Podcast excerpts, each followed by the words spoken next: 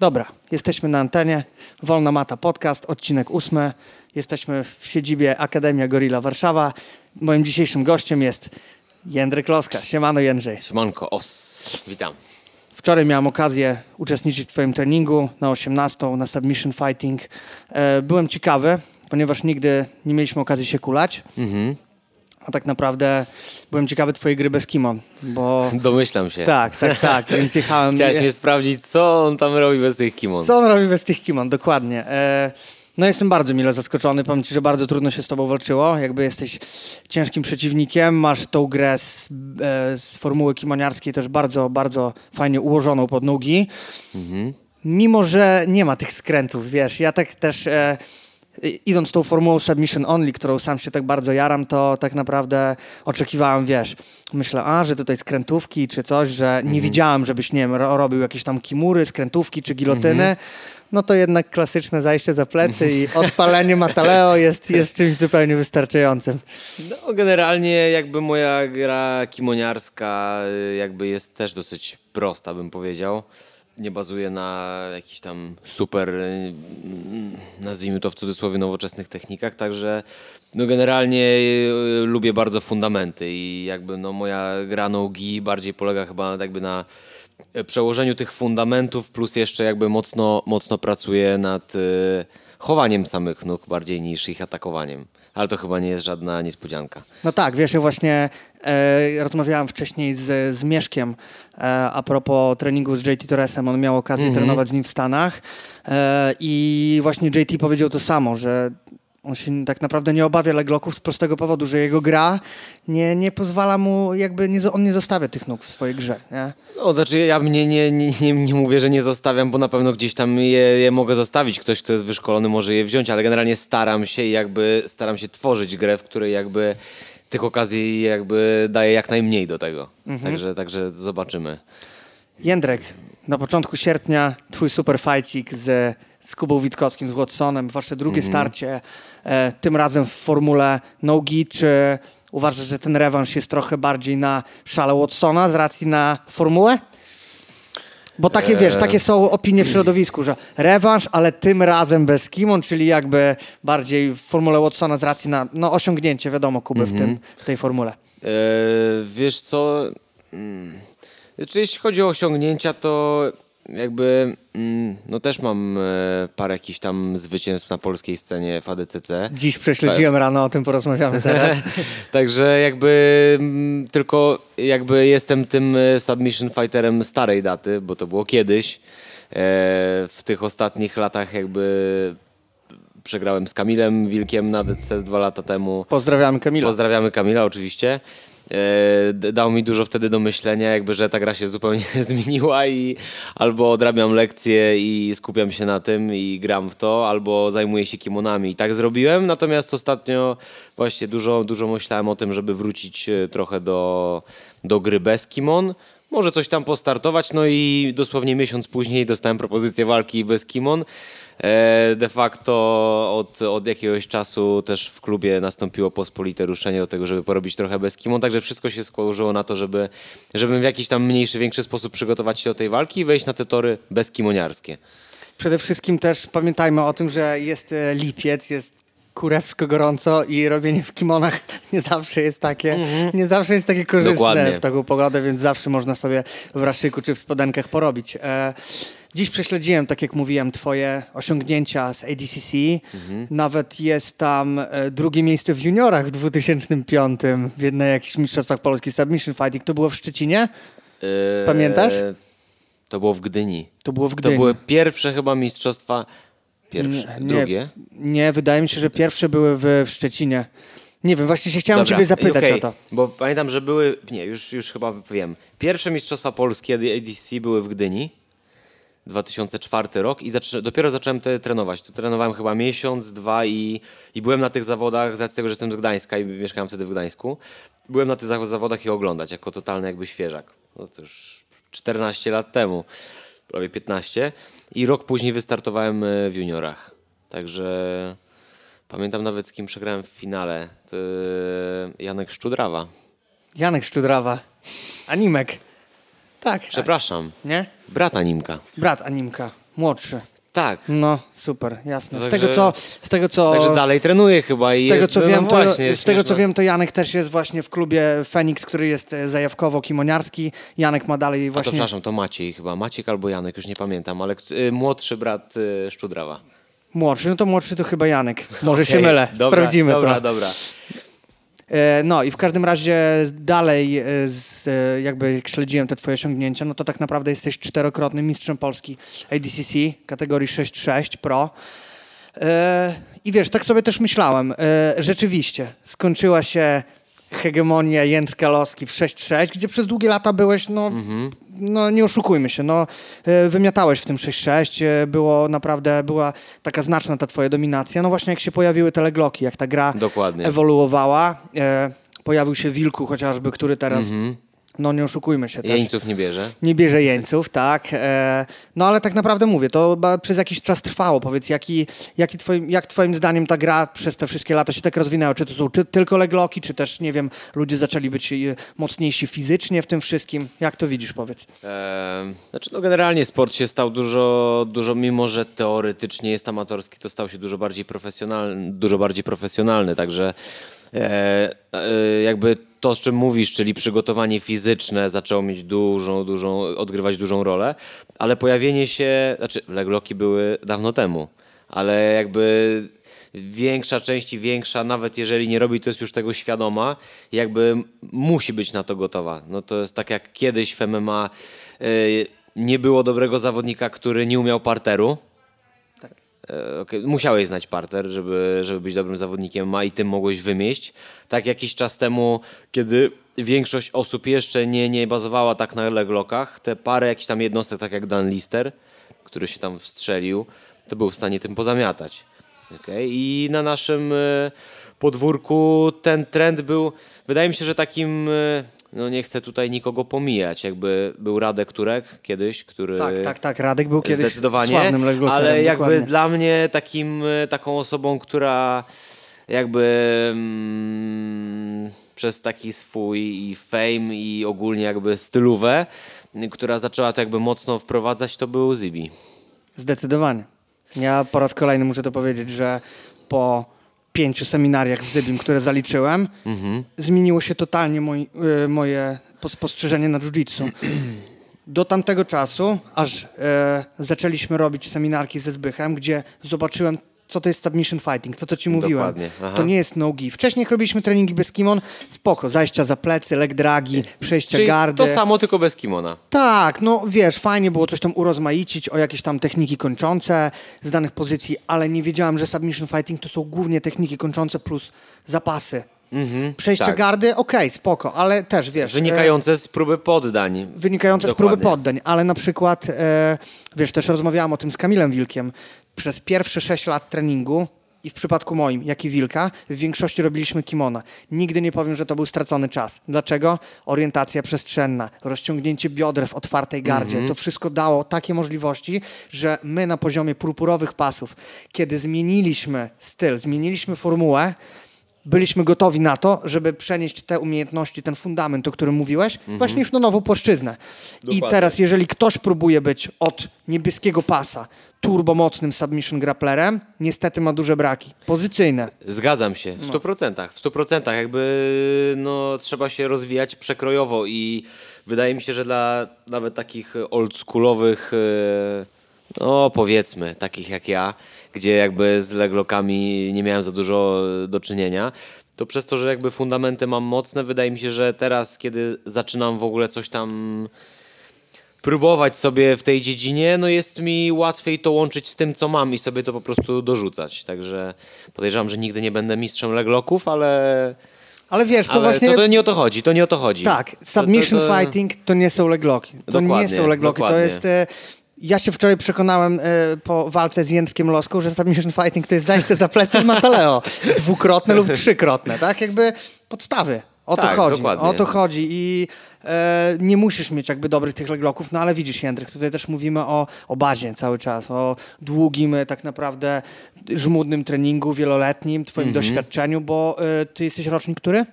E, 8-8. 30 lat. No to równo w 30 tym lat, roku. tak jak ja. A bagaż e, zawodniczy, doświadczeniowy, ile już lat startujesz? Odkąd zacząłem trenować, czyli 14-15 lat. No to No nie, no hold jest- up, to jest, kurde, to jest połowa życia, nie? Dokładnie, Przestartowane. no dokładnie, dokładnie. Więc tutaj, wiesz, e, i zbyt wczesna specyfikacja, o której mówiliśmy. Niestety teraz jest naznaczona przez trendy. Tak, Wiesz, ma, zgadzam się. seminarki, seminarki z samych legloków. Wiesz, ludzie chętnie na to przyjdą. Tak. Wiesz, jak wiedzą, że Zbychu też bardzo fajne rzeczy robi, ściągając e, e, zagranicznych, e, wiesz, e, graczy typu Imanari, był Taza, był Craig Jones, e, którzy, Słyszałem, słyszałem. którzy pokazywali legloki, ale nie tylko. Oni Mhm. mają naprawdę taki bagaż. E, Sam byłem na seminarium Stazo w Amsterdamie.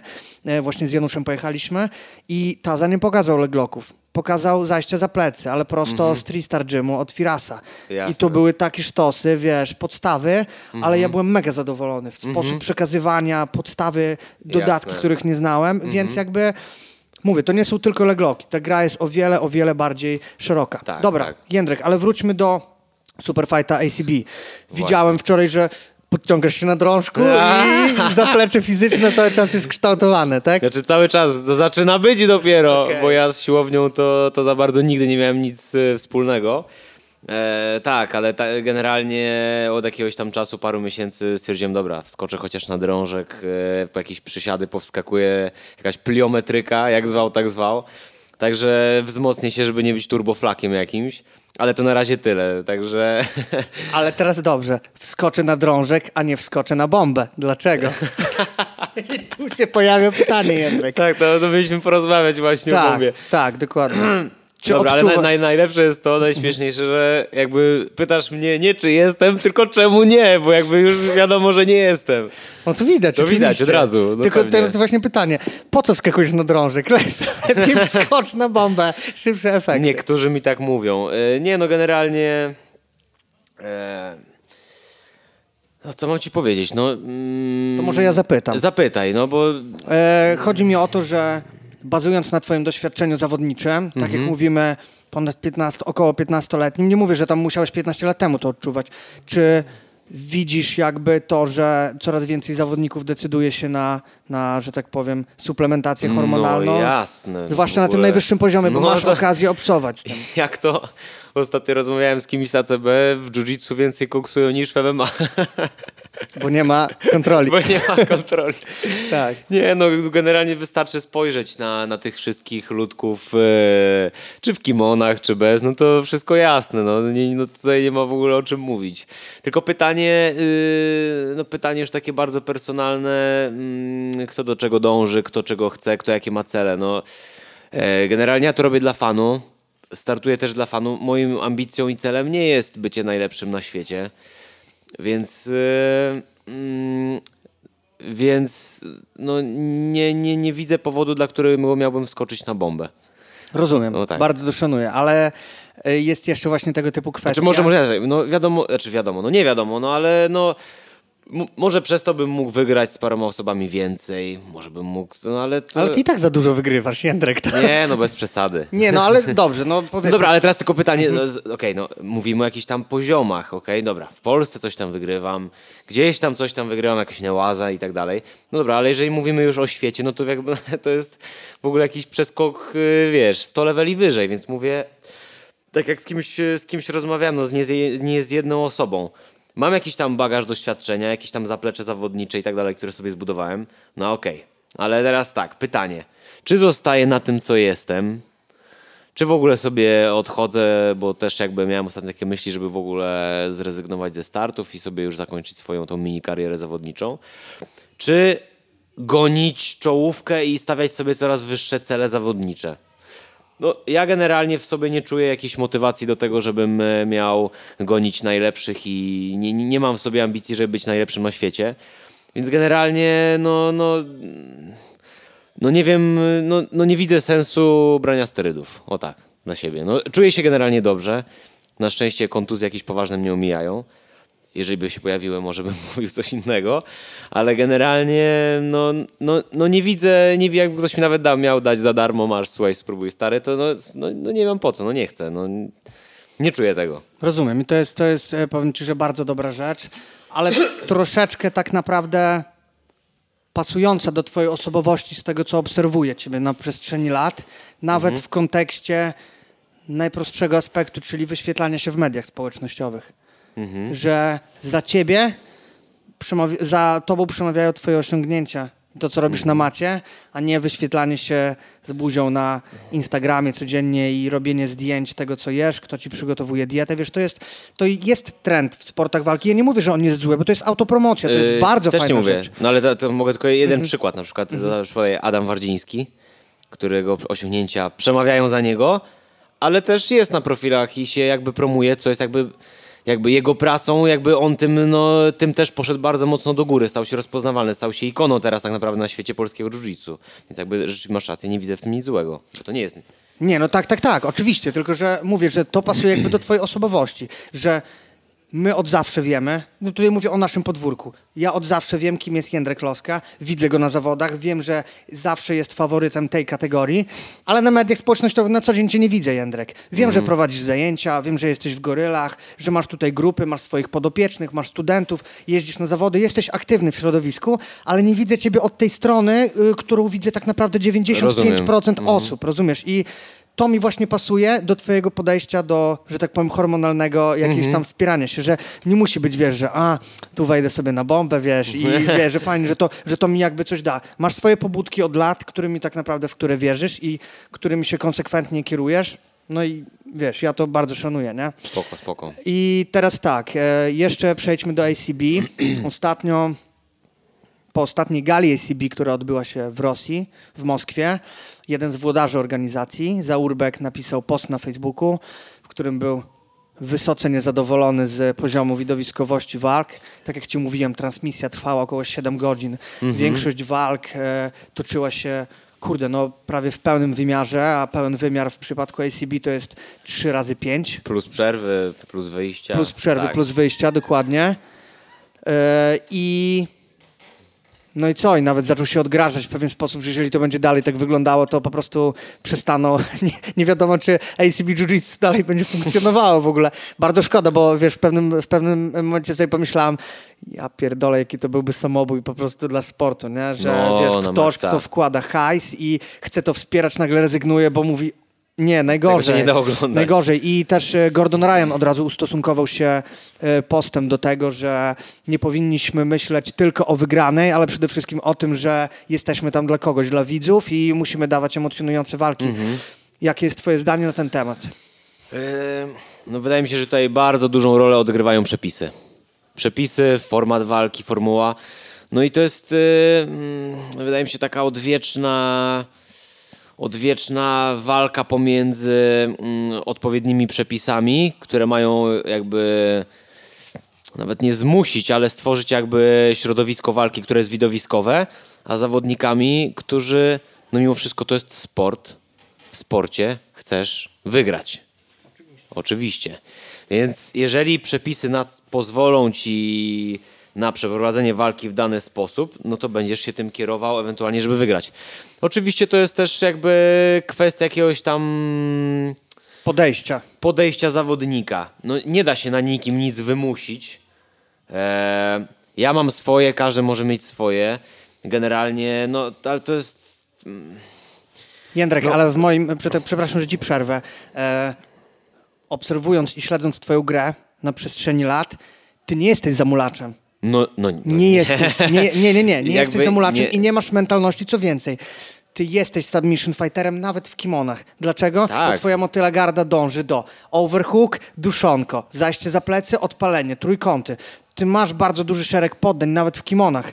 Wiadomo, że jak Jędrek wchodzi, no to okej, walka może się skończyć na punkty jak twoje boje z Danielem Wrześniewskim w finałach jakieś, które no, mieliście. Tak, no ale Daniel, no to właśnie, właśnie teraz to jest to, że jeżeli poziom jest bardzo wyrównany, to gra się toczy o bardzo małe jakieś Na tam- milimetry, na nie? milimetry.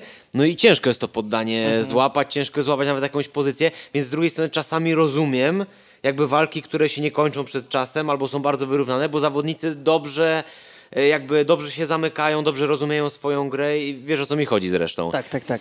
Ale jakby też widać, mimo że e, walki się mogą toczyć jakieś małe milimetry, widać, że zawodnicy chcą i walczą. A rzeczywiście są, są walki, gdzie zawodnicy, no ja to nazywam, y, znaczy to jest tak, albo uciekasz od walki, albo wchodzisz w walkę. I, niestety, to, to akurat, jeżeli ktoś jest doświadczony, wydaje mi się, że widać gołym okiem.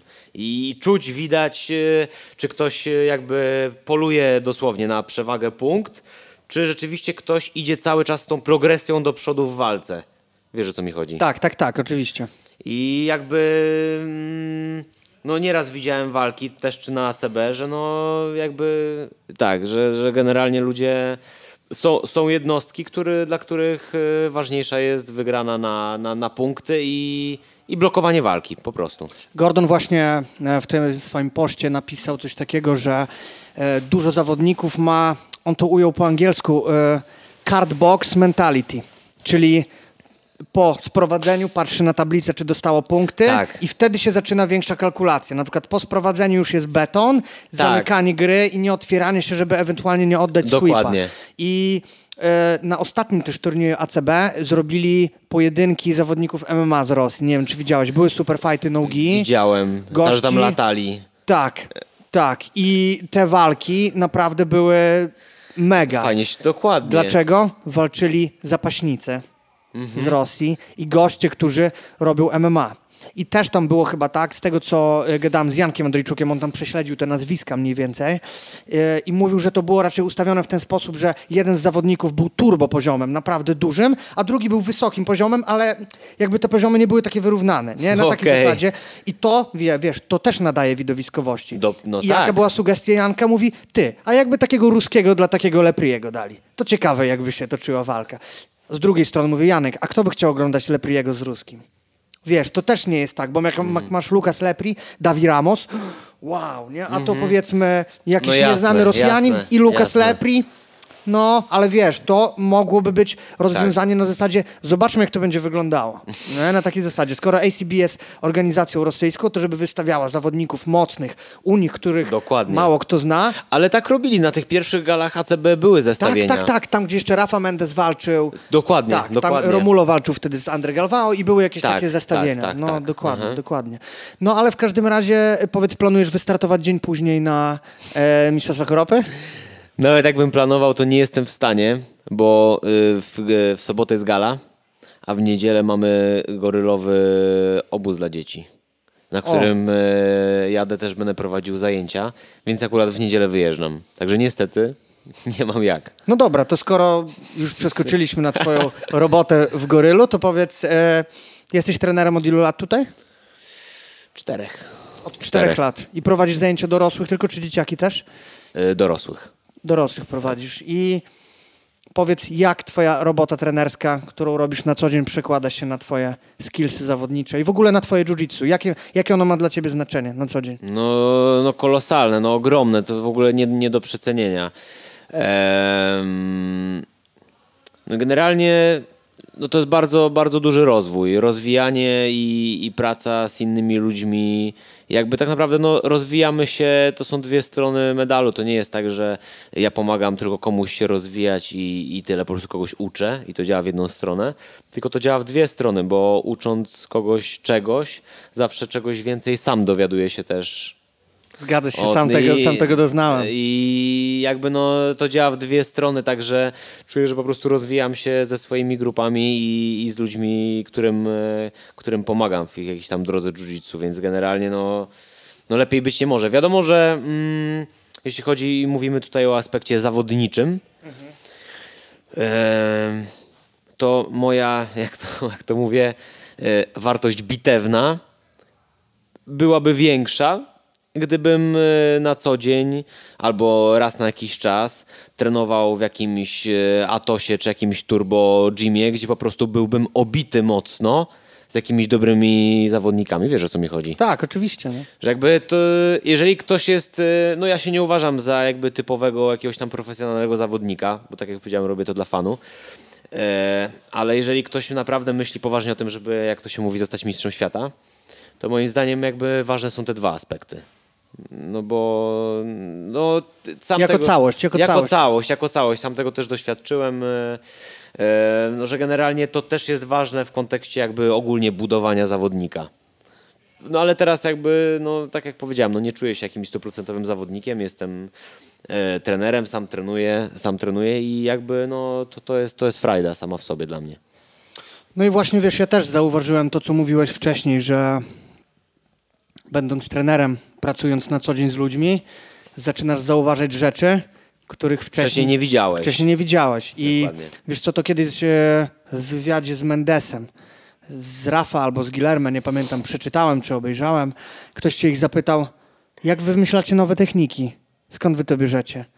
I któryś z nich odpowiedział, że kiedy studenci zadają im pytania, Tak. oni zaczynają odkrywać niektóre rzeczy. No bo wiesz, oni naprawdę mają dużo tych wariantów i przy No, i ten i teraz nie wiem, czy oglądasz ich filmiki teraz. Nie. Mendes sobie e, zaczął rozkminiać jakieś balachy z żółwia, na przykład różne dojścia do e, armlocków z żółwia. Bardzo dużo Mhm. takich rzeczy, co robię też zastanawiam się, the fuck, skąd się wzięło w ogóle? Przecież wcześniej było, wiesz, De La Riva, Gardy, to wszystko Aha. i jest coś nowego i wiesz, podejrzewam, że to się właśnie Tak, wzięło z tego, tak, z aspektu trenerskiego. oczywiście. Zresztą mi się bardzo nie podoba w Mendesach, że oni tym gwałcą tych podopiecznych trochę na filmikach, w sensie... A słyszałem o tym i widziałem.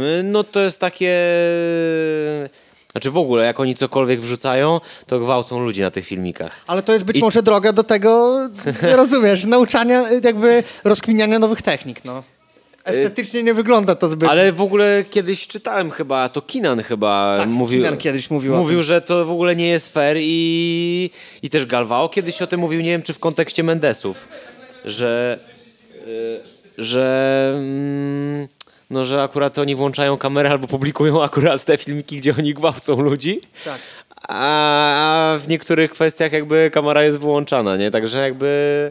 No właśnie, Jędrek, bo tu się pojawia kolejna rzecz. Ego. Rzecz Mhm. niesamowicie ważna w jiu-jitsu i tak naprawdę wartość tego ego wraz z rozwojem, wraz z kolejnymi stopniami powin... No, może nie, nie, żeby tego nie, jakby nie oceniać, ale według mnie, no dobra, ocenimy, powinna spadać. Te ego powinno się neutralizować. Będąc czarnym pasem, powinieneś już mieć znaczy, tak mi się wydaje. Ja teraz jak walczę z swoimi podopiecznymi, mam, wiesz, otwieram swoją grę, daję się złapać bardzo chętnie na coś, bo też wtedy się cieszę, że wiesz, on pomyślał, w którą stronę ma iść, że widział drogę, którą mu otwieram. I tutaj ego się zamyka.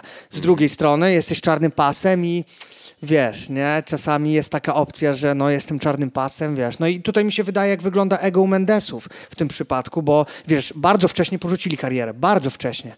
Tak. Bardzo wcześnie porzucili karierę i dużo opinii, jak rozmawiałam z ludźmi, wiesz, gdzieś na zawodach, wiesz, mówili, wiesz, bo oni mają bardzo dużo do stracenia.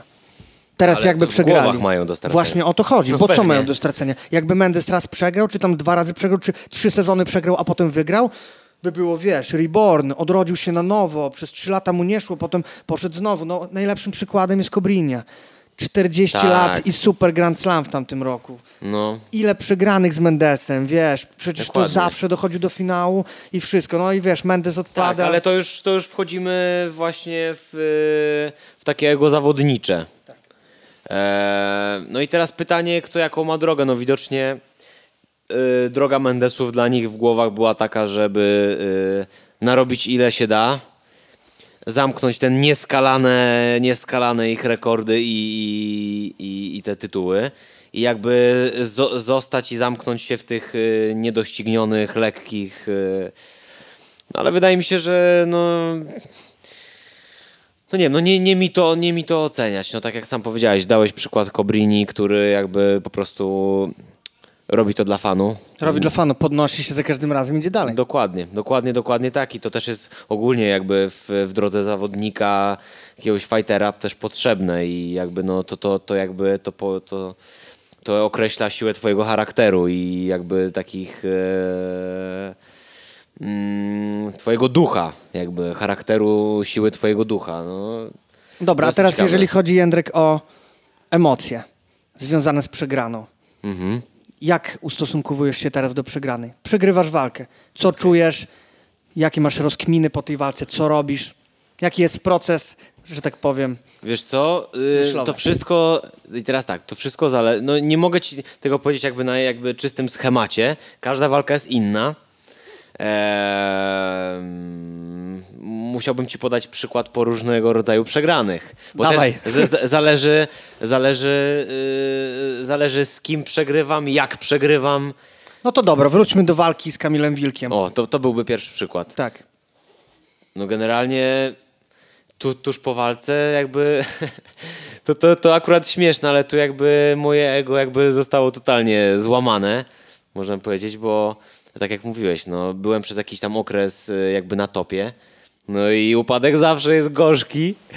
Y, Jakby teraz sam się śmieję, bo to jakby... mm, Nie, oczywiście nie, nie, nie, nie chcę tutaj e, jakby nikomu umniejszać ani tak dalej, ale jakby no te dwa, trzy lata temu, bo trzy lata temu udało mi się jeszcze wygrać ADCC w 2015. 2015, dokładnie. Ale umówmy się, że do tego 2015 trenowałem sobie normalnie po prostu w kimonach. Zrobiłem parę treningów bez. I mówię, dobra, no to jak to jakoś tam będzie jak zwykle. Okej, no i jakoś tak poszło. No ale kiedy trafiłem rok później z takim samym przygotowaniem na gościa, który jest przygotowany, wie co chce zrobić, dobrze to ogarnia, to, to musiało się tak skończyć. Ja to teraz wiem i już rozumiem, że po prostu to nie było o jakoś tam będzie, tylko po prostu ja nie byłem gotowy, nie byłem przygotowany na kogoś takiego, jakim wtedy był Kamil.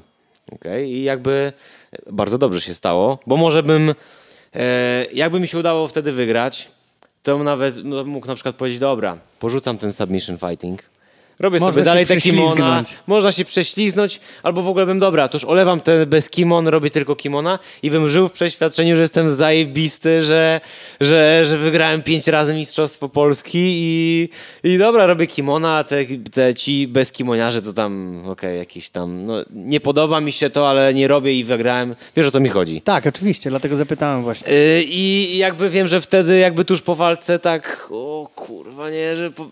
szok, albo szok, dla, dla mojego umysłu, nie, że, że po prostu przegrałem, nie, i jakby dopiero później do mnie to dotarło. Na początku była jakaś taka, e, no nawet nie złość, ale myślałem o tym dużo. Później już mi przeszło, jak to z czasem bywa.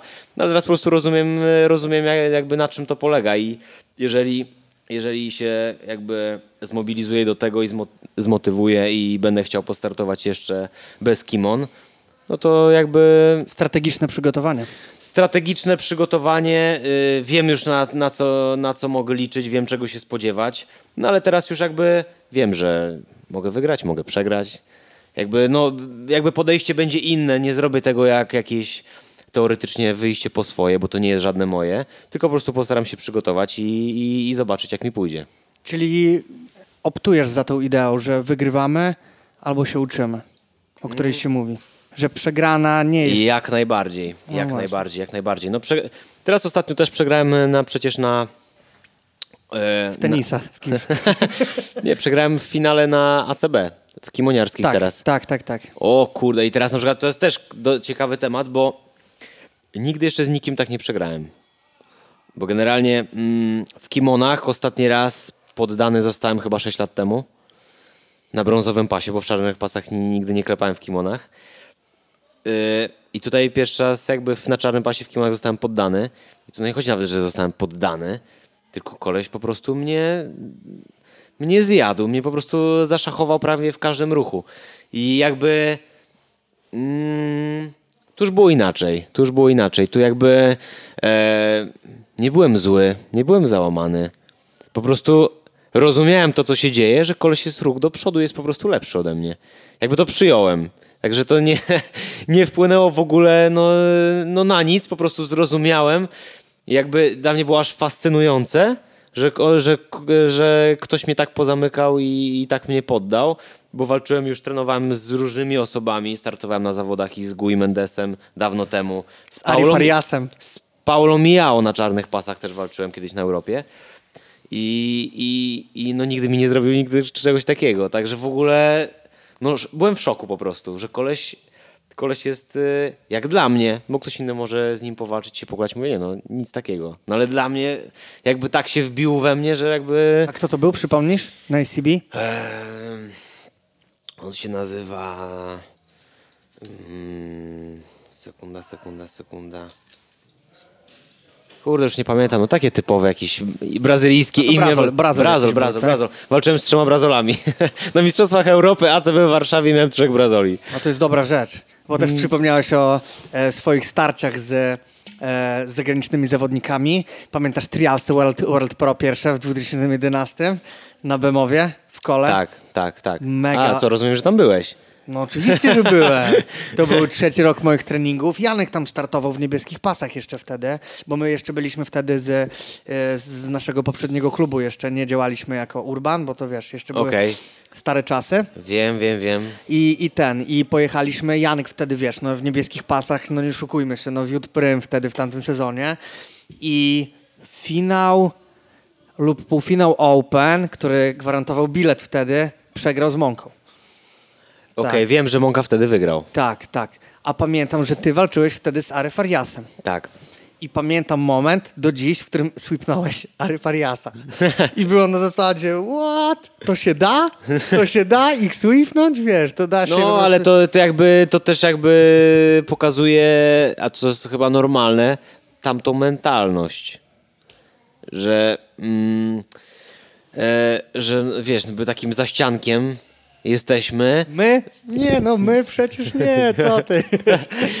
Znaczy mówię, chodzi o to stan umysłu, wiadomo, tak, tak, tym że wiesz, no. że no ale mimo wszystko jakby poziomem i tak dalej, no jakimś tam zaściankiem byliśmy, teraz jesteśmy dużo mniejszym i, i wiesz, przyjeżdżają te gwiazdy i tak naprawdę no to jest taka, taka walka, że czy jestem w stanie w ogóle coś zrobić, czy Jezus Maria, co to będzie, no, On ma tak bogate konto na Instagramie.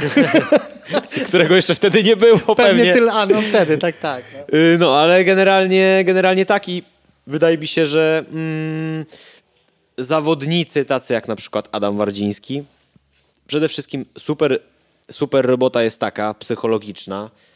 Wiem, że to no teraz brzmi śmiesznie, ale 10 lat temu na pewno by nie brzmiało, że, że jak to się mówi, pokazuje, że można nawiązywać walkę, można i trenując, jakby wiadomo, że Adam jeździ na kampy i tak dalej, no ale ma swoją siedzibę tutaj i trenuje w Polsce. Także jakby od tamtych czasów, to było 7 lat temu, zmieniło się tak diametralnie dużo, że w ogóle nie ma, nie ma o czym gadać, ale jakby, no wydaje mi się, że, że wyszliśmy z tego, z tego zaścianka, eee, zaścianku, zaścianka, jak z, E, ze ścianka. z zaścianka. Z zaścianki. Z zaścianki wyszliśmy.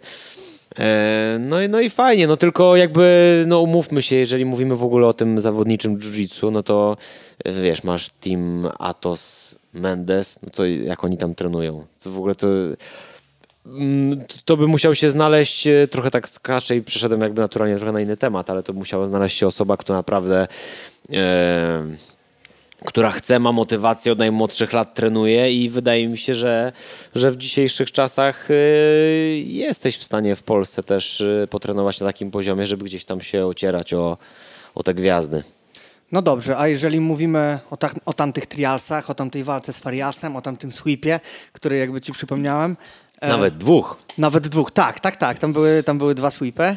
E, A to zaraz po- też mogę coś. Dobra? No, no, Dobrze, dobrze. E, Właśnie, czy one nadały ci w, pewne, w pewien sposób jakiejś pewności siebie? Dlaczego pytam?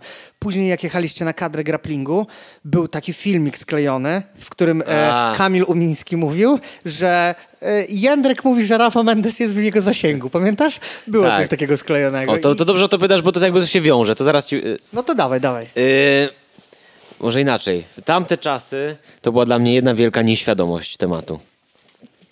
I, I pod względem jiu-jitsu, pod względem przygotowania, pod względem tego, jak, jak oni trenują, jakie jiu-jitsu prezentują i tak dalej.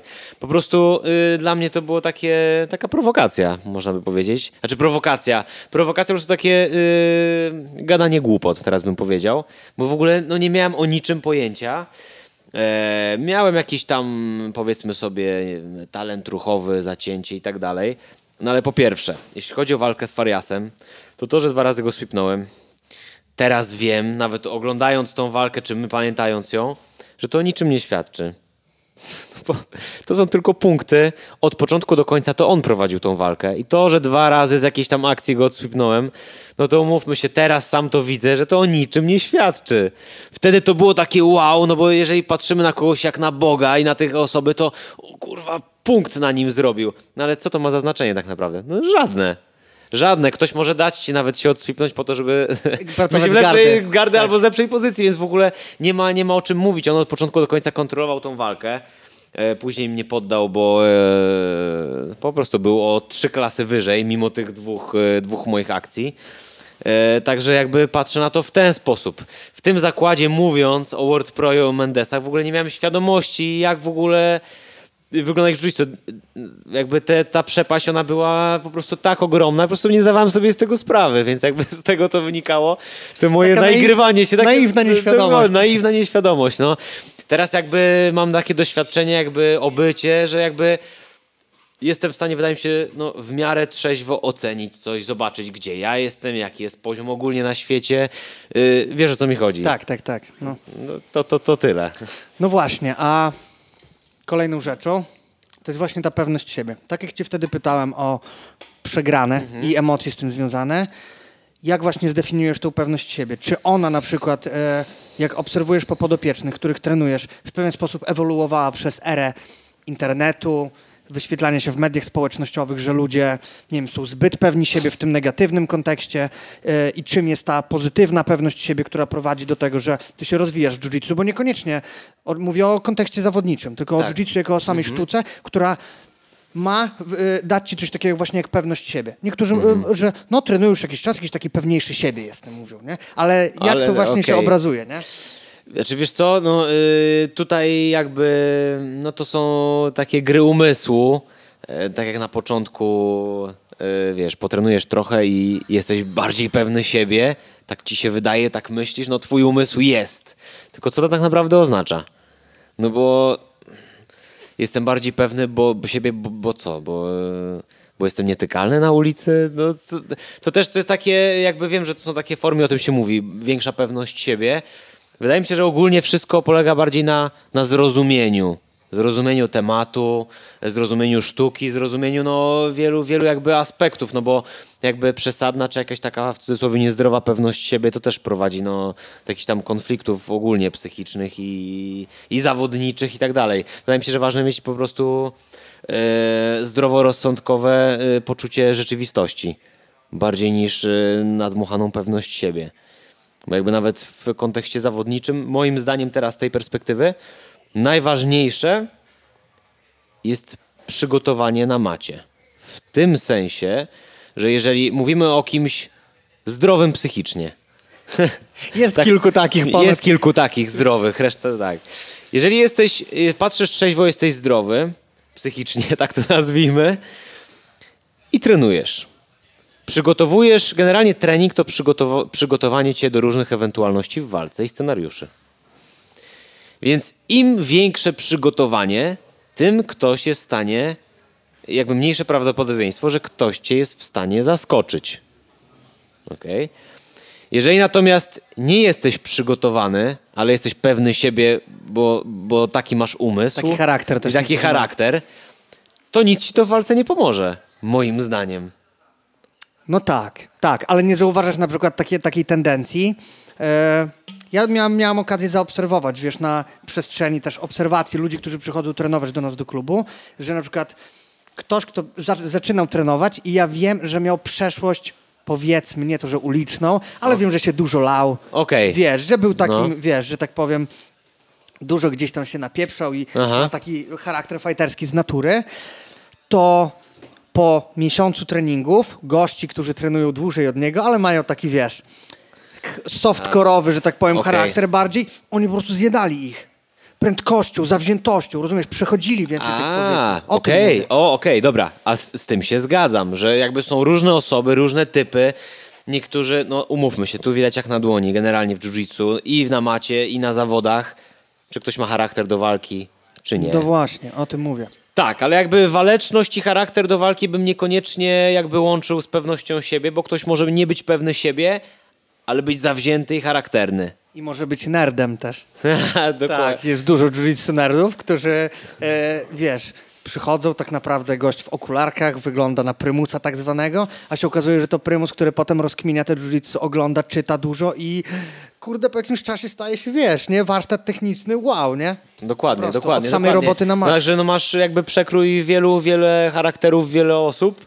E, natomiast tak myślałem jeszcze, a nawiązując do samych zawodów, że jakby mówię o tym, jeżeli, jeżeli ktoś jest zdrowy psychicznie, jak rozmawialiśmy o zawodniczym jiu-jitsu. No bo jeżeli, bo to tak, w jedną stronę do góry jesteś zbyt pewny siebie. Jeżeli natomiast nie jesteś pewny siebie i masz zaniżone poczucie wartości swojego jiu-jitsu, to możesz po prostu nie wykorzystać na zawodach tego, co rzeczywiście potrafisz i umiesz, bo jesteś poblokowany gdzieś. Wiesz, o co mi chodzi. Więc jakby, ale tak czy inaczej to są odchyły od tej nazwijmy normalności, kiedy tak naprawdę decyduje tak naprawdę o walce moim zdaniem e, twój warsztat i to jak przygotowany jesteś na walkę. Okej? No wiadomo, że Okej, no teraz jakby zastanowiłem się na tym rzeczywiście, te jakby te cechy psychologiczne typu waleczność, Osobowość zawziętość, osobowość też jakby są bardzo istotne, ale jakby gruntownie to się moim zdaniem sprowadza do tego, jak jesteś przygotowany na różne scenariusze walki. E, dobrze, a zawsze się pytam, znaczy nie zawsze, ale często zadaję takie pytanie, czy wierzysz w coś takiego jak dyspozycja dnia sportowa? Często się o tym mówi, nawet na e, poziomach powiedzmy e, gry jakiejś piłkarskiej, czy coś. Mhm. Często trenerzy o tym mówią. To zależało od dyspozycji dnia, powiedzmy. E, to już wiesz. ci mówię. Kiedyś wierzyłem, teraz nie. No to rozwiń temat. Eee, znaczy no, na swoim przykładzie nawet. Eee, wydaje mi się, że to jakby to jest większa. em, to jest głowa i psychika. Tak mi się wydaje. No, ja nie mówię o tym, że ktoś, nie wiem, jest podziębiony albo nie spał, nie spał dobrze przez ostatnie trzy noce, tylko mówię ogólnie o dyspozycji dnia. Wydaje mi się, że. Mm, Że jakie masz nastawienie, wiesz, tego dnia, nie? Jak wchodzisz już na matę, przebierasz się. Tak, ale, ale tylko jedna rzecz. Właśnie mówię o przygotowaniu cały czas. No bo e, zakładam, że jeżeli startujesz, jesteś zawodnikiem, no to wiesz, że za miesiąc, dwa, trzy masz walkę. Więc już jakby i na treningu, i nawet w głowie przygotowujesz się i już wiesz, że tego dnia będziesz walczył. Mm, jakby wydaje mi się, może to nie jest, że jest jakaś wymówka, ale jakby moim zdaniem jakby też w przygotowaniu i w treningu, jakby no codziennie przychodząc na matę też możesz mieć w cudzysłowie gorszy dzień, może być niewyspany, możesz mieć trochę więcej I tak siły, jest. trochę mniej. I tak, Tak jest. I na zawodach też tak jest. Tylko kwestią jest tego, żeby przygotować swoje ciało i swój umysł przede wszystkim, że bez względu na wszystko nie szukasz wymówek, tylko tego dnia walczysz i dajesz siebie wszystko. I, I gadanie, okej, no tu się gorzej czułem, tu lepiej. No moim zdaniem to jest wymówka, że tak naprawdę to jest kwestia twojego mentalnego przygotowania e, takiego samuraja, który idzie po prostu tego dnia walczyć i tutaj dyspozycja dnia, no, no nie wierzę teraz coś takiego. Okej, to teraz poruszyłeś następny temat, przygotowanie mentalne. Mhm. Czy to jest też tylko i wyłącznie robota na macie 5-6 dni w tygodniu, czy to jest też, nie wiem, powiedzmy, zagłębiałeś się w jogę kiedyś? Robiłeś w ogóle jogę? Praktykowałeś troszkę? Nie, nie, nie, nie. Ja od jakiegoś czasu robię. I co, nie co sądzisz? E, Ale po- ty mówisz czysto fizycznie, tak? Tak, ale Okej. wiesz co, e, bardziej niż kontekst e, motoryczny, typu gibkość Aha. czy mobilność, praca na oddechu mi dużo pomogła. A, to jest Wiesz? w ogóle też inny temat. 10-15 minut na wyciszeniu totalnym, praca z oddechem, z zamkniętymi oczami, otwierasz oczy i jest na zasadzie wow.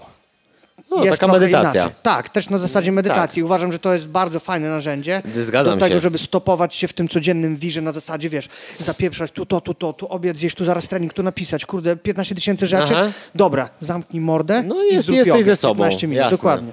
Nie, no jasne, jak najbardziej. E, ale e, czyli wracamy do tematu Przygotowania przygotowania mentalnego. mentalnego. E, kiedyś miałem właśnie. Mm, kiedyś miałem taki dysonans trochę, bo sobie właśnie też szukałem parę lat temu takiej drogi, też jeszcze jak uważałem się za. No, byłem bardziej zawodnikiem w jaki sposób mentalnie się przygotować do zawodów. I takie jakby wykre... wy... pokazały mi się jakby dwie ścieżki. Bo z jednej strony e, z jednej strony masz e, ludzi, którzy wizualizują sobie sukces, wizualizują sobie to, że wygrywasz. E, jakby to prawo przyciągania, że już to wiesz, bo już to widzisz, że jakby dajesz radę. Tylko teraz to jest jakby jedna ścieżka. Z drugiej strony e, trenując, sparuję. Nie chcę mieć w głowie tego, że przygotowuję się do walki, tylko staram się być jak najbardziej skupiony na tym, jak teraz trenuję.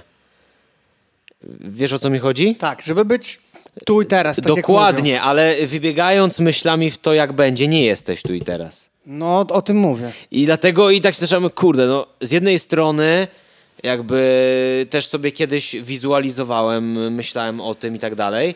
To można powiedzieć, no działało. No, nie, no, pewnie działało przygotowanie, ale jakby wiesz o co mi chodzi. A z drugiej strony starałem się być bardziej skupiony na tym, co robię teraz. I za bardzo nie, nie zaśmiecać sobie głowo, głowy tym, co będzie na zawodach. Wiesz o co mi chodzi? Tak, czyli tak naprawdę liczy się ten trening, a nie każdy kolejny i następny zawody. Dokładnie, yy, dokładnie tak. I jakby mm, poszedłem bardziej w, w tą opcję skupienia na treningu, który jest obecnie, ale ym, też jakby to droga taka może pomiędzy, pośrodku, e, to już jakby mm, ogólnie no sam pewnie wiesz, że walka na treningu i walka na zawodach to są dwie różne diametralne Oczywiście, rzeczy. tak.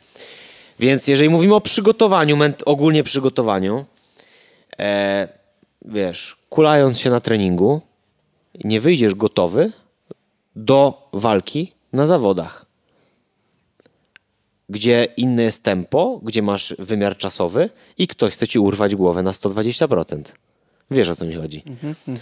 Więc w okresie przygotowawczym, czy w ogóle jako zawodnik, i dla mnie osobiście, wchodząc na matę i robiąc trening przygotowawczy do zawodów, mam w umyśle, sam sobie kreuję, że walcząc tu na macie, czuję się i nawet sam pobudzam sobie trochę adrenalinę. Nie mówię o tym, że chcę komuś urwać łeb, bo to jest też inna rzecz, tylko pobudzam się tak, żeby, żeby być w stanie, w takim stanie umysłu, w jakim się jest na zawodach. I to też moim zdaniem jest przygotowanie, bo już się na to przygotowujesz.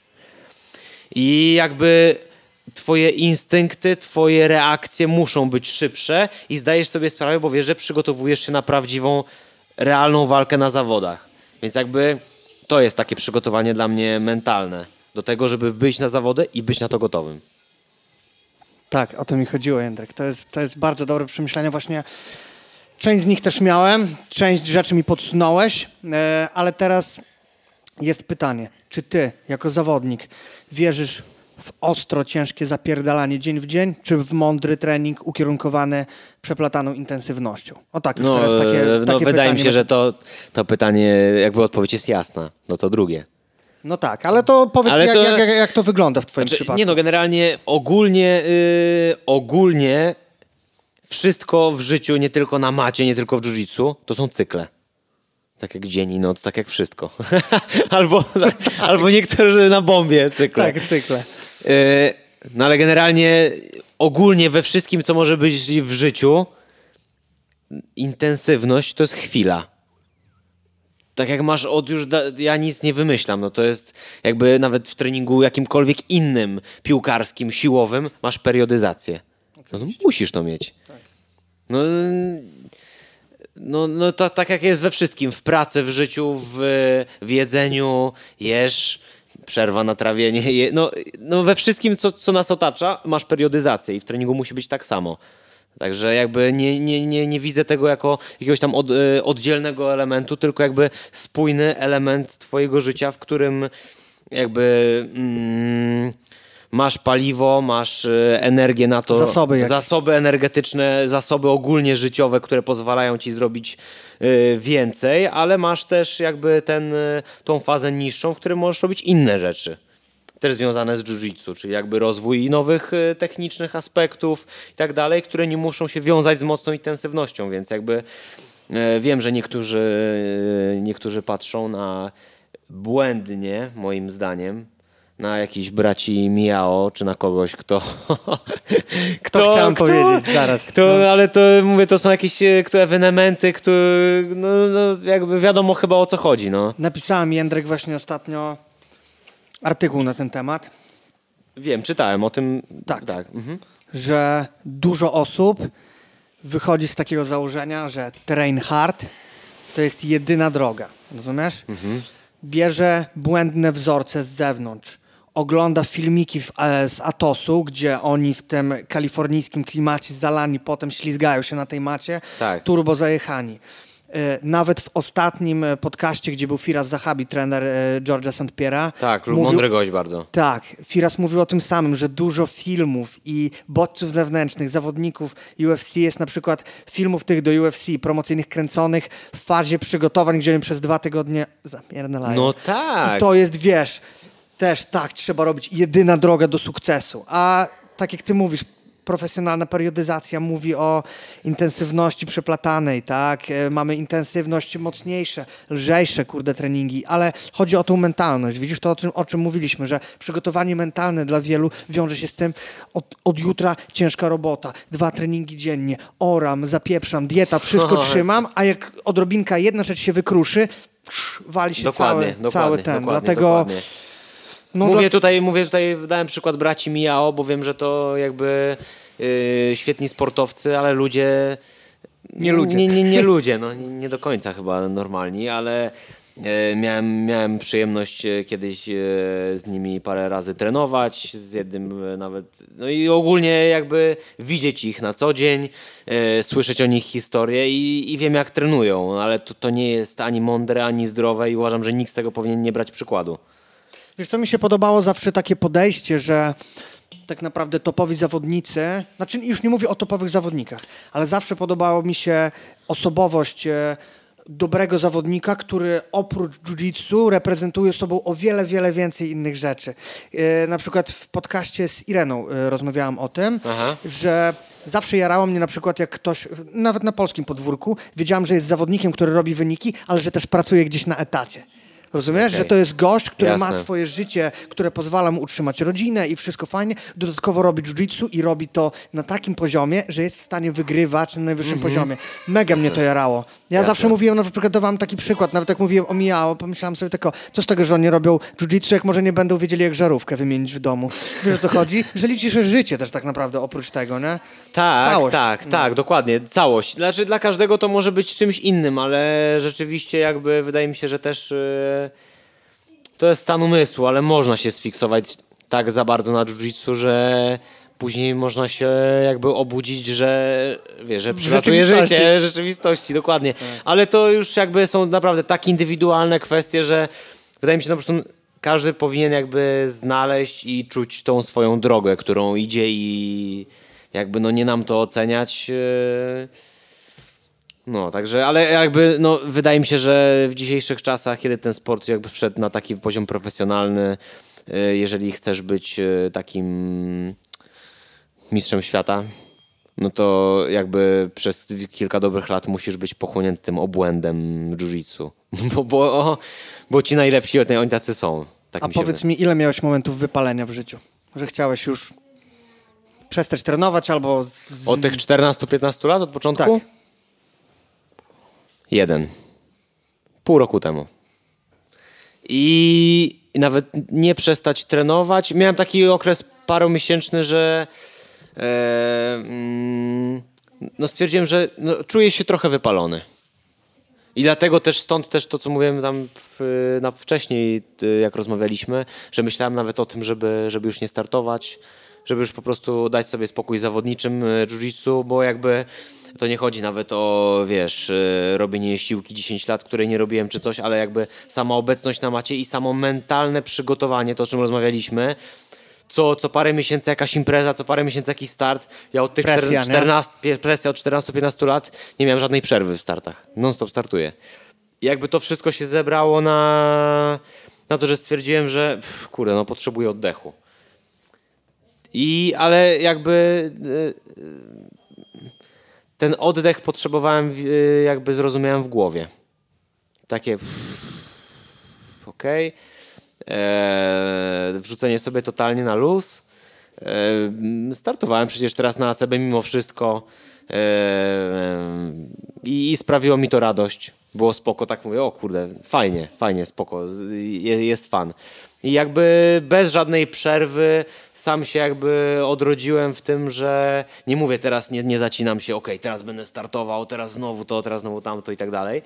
Tylko po prostu mam większy chill i e, daję to, co mi przynosi życie jiu-jitsowe, ale się tym cieszę i jakby wyszedłem z tego dołka. A ja wiesz, e, dlaczego się ciebie pytam, bo e, na początku roku też właśnie miałem coś takiego, zdecydowanie, że zacząłem rozmawiać, e, miałem się przygotować na zawody Mistrzostw Polski, nogi, ale stwierdziłem po prostu, że wszystkiego jest za dużo dookoła. Że Aha. oprócz tego, że mam jakieś tam prywatki, bo wiesz, oczywiście nie mówię o porównaniu twojego doświadczenia zawodniczego swojego. Mam prywatki, robota w redakcji, podcasty, to wszystko, robota na macie jeszcze z ludźmi, jeszcze jakieś życie prywatne. Stwierdziłem, nie, muszę odpocząć od startu, po prostu. Nie chcę mi się. I zaczęła się kalkulacja na zasadzie, e, kurde, ale no może wiesz, no są ludzie w klubie, nie? że dla nich choćby warto, ale podjąłem tu decyzję, że nie. Off. Odcinam się, że w tym roku w ogóle nie startuję, przez to musiałem przechodzić później oczywiście gdzieś na zawodach. A czemu nie startujesz? I wiesz. ja, ja też przez te- to przechodziłem I nieraz. było na zasadzie tak, że chciałem aż wyjmować kartkę z kieszeni, wiesz, no to słuchaj, jest parę powodów, nie? Ale powiem ci tak, kończą się wakacje już, nie, nie da rady. No ale powiem ci, właśnie miałem, miałem coś takiego podobnego, że y, to ja musiałem sobie ten stryczek załączyć w głowie, że sam musiałem sobie powiedzieć stop i po tym jak powiedziałem sobie stop, jakby, jakby wiesz o co chodzi, że nie miałem żadnej, nawet nie chodzi o presję, tylko jakby sam wiedziałem, że jest koniec, to po dwóch miesiącach naturalnie zacząłem sobie tak oglądać, tu jakieś ADTC, tu coś, mówię, kurde, to No. jest fajne, chciałbym spróbować. To jest jakby to. taka świeżość, Że bo głód, sam sobie w znowu głowie. głód się narobił. Tak, ale wystarczyło, nawet nie chodzi o czas, który minął, tylko to, że w głowie sobie wyłączyłem coś, a później samo naturalnie to przyszło. No bo ten czas tak naprawdę w tym przypadku to jakby zdefiniował, że jeżeli sobie powiedziałeś sam trochę stop w głowie, Tak. to już sama ta świadomość, tak jak powiedziałeś, oddech wewnątrz siebie, który Tak, nic powodował, nie że- muszę, Tak. mam totalny chill i Tak. samo przyszło naturalnie, kurde, to, to może jeszcze sobie coś tam postartuję, Tak. popróbuję. No. I ja też zauważyłem, teraz już jest, wiesz, zaraz sierpień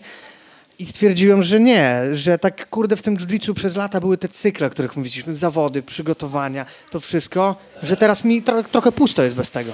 Aha. Jest pusto, po prostu potrzebuję postartować, zrobić, nie wiem, przygotować się jakąś tam powiedzmy dietkę czy coś bardziej, że jednak cele, które sobie stawiasz, najłatwiej zrobić to poprzez zawody, bo oczywiście może jak tam jeszcze kiedyś na inny powiedzmy level mentalny wejdę, to może będę mógł inaczej sobie wyznaczać cele, ale jestem przyzwyczajony przez lata do Jasne. tego, że celem są zawody, przygotowanie, potem sprawdzian tego jak poszło, odrobianie lekcji i Do, dokładnie, droga dokładnie, dalej. dokładnie, dokładnie. Także jak najbardziej, jak najbardziej. Mm, I jakby u mnie też to teraz wyszło, tak jak rozmawialiśmy, naturalnie. E, Był okres, że musiałem, dobra, nie startuję, nie chce mi się. Później nabrałem jakiegoś takiego głodu, że a to nie koniec, jeszcze coś tam we mnie jest, że chciałbym jeszcze postartować. I tu właśnie, o, pojawiła się propozycja walki na ACB. Mówię, o, no to, O, nice. nice, dokładnie. Także spoko, spoko, no zobaczymy, co tam z tego Dążysz będzie. do kontraktu z ACB? Yy, wiesz co, no tam w tym, w tym filmiku padło takie pytanie, czy jakby mi się udało wygrać, czy, czy, czy chciałbym... Czy chciałbyś pieniądze? Czy chciałbym pieniądze, dokładnie tak to zabrzmiało, czy chciałbyś pieniądze. No i generalnie jakby idę, staram się iść z flowem teraz, czyli no tylko teraz, no właśnie, to jest, to jest jakby też trzeba być realistą, no bo em, to jest tak jak niektórzy pytali się mnie jakiś czas temu, czy nie chcesz sobie pojechać na przykład do Kalifornii na Worldsy. Będąc realistą, wiem, że e, jeżeli już tam jadę, no to nie chcę jechać tam po prostu zrobić sobie paru fotek i odpaść w pierwszej rundzie, tylko zdając sobie sprawę i wiedząc jaki jest level i jak muszę się przygotować, wiem jaką pracę muszę wykonać, żeby nie jechać tam na straconej pozycji. Wiesz o co mi chodzi? Więc y, jeżeli, jeżeli byłaby taka możliwość i ktoś by przyszedł do mnie z kontraktem i powiedział, słuchaj, chcesz powalczyć w ACB, no to wiem, że przyjdzie mi się tam zmierzyć y, z gośćmi z górnej półki. Więc w momencie podpisywania kontraktu muszę sobie sobie zadać pytanie, stary. Albo wiesz na co się piszesz, więc albo chcesz zapierdzielać i przeznaczasz te parę miesięcy czy jakiś czas na to, żeby dać z siebie wszystko, albo po prostu olewam temat. No bo nie widzę innej drogi, że a, potrenuję sobie, jakoś tak no. będzie, dobra, postartuję, zobaczymy co będzie. No nie widzę takiej opcji, nie, to, już, yy, to już nie, to już jest nie ta scena, nie, nie to, żeby z siebie robić, wiesz, pośmiewisko, tylko no jakby to też jest ważne, że żeby się jakoś tam, yy, mówię, w, w takich rzeczach zdefiniować i samego siebie zapytać, stary, chcesz to, wchodzisz w to, albo nie. Także tak to widzę. Super. Jędrek, powoli zbliżamy się do końca. Bardzo fajna rozmowa za nami. Na koniec mam pytanie od e, widzów, od słuchaczy. Czy Naprawdę? tre- tak. E, czy treningi submission prowadzone przez ciebie to jest chwilówka tutaj w Gorylu z racji na walkę ACB, czy jest to, że tak powiem, na dłużej? Yy, Generalnie treningi submission nie były wprowadzone ze względu na ACB. Generalnie to, to Ja grupa chciała. A, bo rozmawialiśmy o tym. Tak. Tak, grupa chciała. Yy, Przedłużyliśmy sobie to do ACB, bo mieliśmy miesiąc porobić bez kimon. No tak się zdarzyło, dobra, to zrobimy jeszcze drugi. E, wszyscy, łącznie ze mną, są zajarani tym, że po, po, po tylu latach, po tylu latach kimoniarstwa, e, jakby i przykład idzie z góry, przykład idzie z góry, więc skoro główny trener opowiada się tylko za kimonami i, i ma epizod w życiu, że może, no nie, nie, no nigdy nie gardziłem, ale dobra, nie, no, nie traktowałem poważnie nogi swojego i tak dalej. Kiedy ja nagle się zaczynam tym jarać, robimy treningi nogi, wszyscy się tym jarają, to już wszyscy zaczynają dokładnie pytać, możemy to zrobić cyklicznie, możemy to przeplatać. Także na razie mm, jakby, no to bym musiał pogadać z Marcinem, który jest tutaj głównym dowodzącym. E, Natomiast jak dla mnie, to możemy co drugi miesiąc robić bez kimon. Także też jestem zajarany bardzo tą formułą, jakby bardzo się w niej odświeżyłem i, i, i czuję naprawdę, że jestem zajarany w ogóle, że mogę to trenować i na co dzień robić, nie? Bo wiesz, że to wy jako trenerzy macie na nich wpływ. Tak, tak, Największy. tak, tak, tak. Jeżeli studenci słyszą od swoich trenerów, że a, to jest takie, a to jest takie. Ja sam się na tym złapałem. Że Mhm. w pewnym momencie mówiłem zbyt długo, a ty kimona lipa. No a no, no Za długo o jasne. tym mówiłem. Teraz autentycznie nie mówię tego. Sam bardzo lubię robić w kimonach. Nie jest to już moja formuła, zmieniła się, zmieniła się gra, ale uwielbiam. Mhm. Uwielbiam robić w kimonach, ale mówię sobie zamknij mordę z niektórymi opiniami. Masz rację i zgadzam Bo się też, wiesz- sam do się jakby się czasami na tym łapię. Jakby jakby co, co my możemy mieć do kimon czy do bez kimon? Jedna i formuła jest spoko, także w ogóle nie ma co oceniać i tutaj, tutaj e, co jest lepsze, co jest gorsze, ale generalnie dla, dla mnie który się tak zagłębił w kimona na ostatnie lata, to bez kimon jest takim w ogóle, wiesz, powiewem świeżości, jest czymś, kurde, nie no. Wiesz co, bo to chodzi też o jakieś takie umiejętne żonglowanie tym wszystkim, Jędrek, bo e, może się znudzić tak naprawdę. Wiesz, mi się też w kimonach w pewnym momencie znudziło tak, wiecznie drillować, ni slice'y, leg dragi, delariwy i coś, wiesz, w ten sposób, a nagle się okazało, że tylko, o, są zapasy, ty, jestem słaby w zapasach, poróbmy zapasy. W- Tak, tak. Legloki, dokładnie. nie umiem ich i nie na zasadzie ty nie umiem ich, nie znam, robimy je, robimy, tłuczemy i idziemy w coś i się nagle okazało, wiesz, e, nud, nudzi ci się ogólnie jiu-jitsu czy gi przygotowanie fizyczne, zacznie się podciągać. Ile się podciągniesz? Razy trzy? No to jesteś słaby. Dusz, kurde, żeby się podciągać dziesięć, no. No, wszechstronny tak, rozwój. Tak, wszechstronny to co rozwój. też się dużo czyta ostatnio, że taki był kiedyś artykuł i taki slogan, że no, e, graplerzy nigdy nie, nie osiągną swojego maksymalnego potencjału, jeżeli nie będą trenować innych graplerskich rzeczy. No, Mhm. Dokładnie, no, dokładnie. to- Dokładnie. Także, także, także tak, no. Także generalnie wydaje mi się, że mm, te u nas y, nogi na naszej grupie tej zaawansowanej powróci na pewno przed jakimiś imprezami typu ADCC, bo na pewno ktoś będzie chciał postartować. Super, super, kibicuję. Także, także, także weszliśmy jakby... Tak, Akademia Gorilla, która była typowo klubem kimoniarskim, powoli zaczyna raczkować na, na scenie nogi. Zobaczymy, co z tego będzie. Super. Jędrek, powiedz, e, dlaczego nigdy nie przypieli ci żadnej ksywki? Nie miałeś nigdy żadnej ksywki? No, to ktoś tam mówił że J-Lo w kopie. J-Lo, właśnie. No przecież J-Lo je No było. miałem się ciebie o to zapytać. Miałem się ciebie zapytać, czy ta koneksja z Jennifer Lopez jeszcze gdzieś, jeszcze gdzieś, gdzieś funkcjonuje, a to jeszcze ksywa skopy była rzeczywiście. Tak, no. tak. Znaczy, ale to e, nie wiem. Nie, nie, nie, nie, no ja mam wiem, bo miałem, kurde, wiesz co, bo nawet o tym J-Lo sobie ostatnio tak przypomniałem i tak skojarzyłem, ale ja myślę, ja to gdzieś słyszałem, czy to Słyszałeś, czy samemu coś wyśliłem, a to było tak. J-Lo. Dobra, Jędrek i tym miłym akcentem zakończymy Spoko. podcast. Bardzo Dobra, ci dziękuję za super rozmowę. Widzimy Dzięki się bardzo, na ICB, może gdzieś jeszcze w tym miesiącu. Zobaczymy. Pozdro. Spoko, na razie.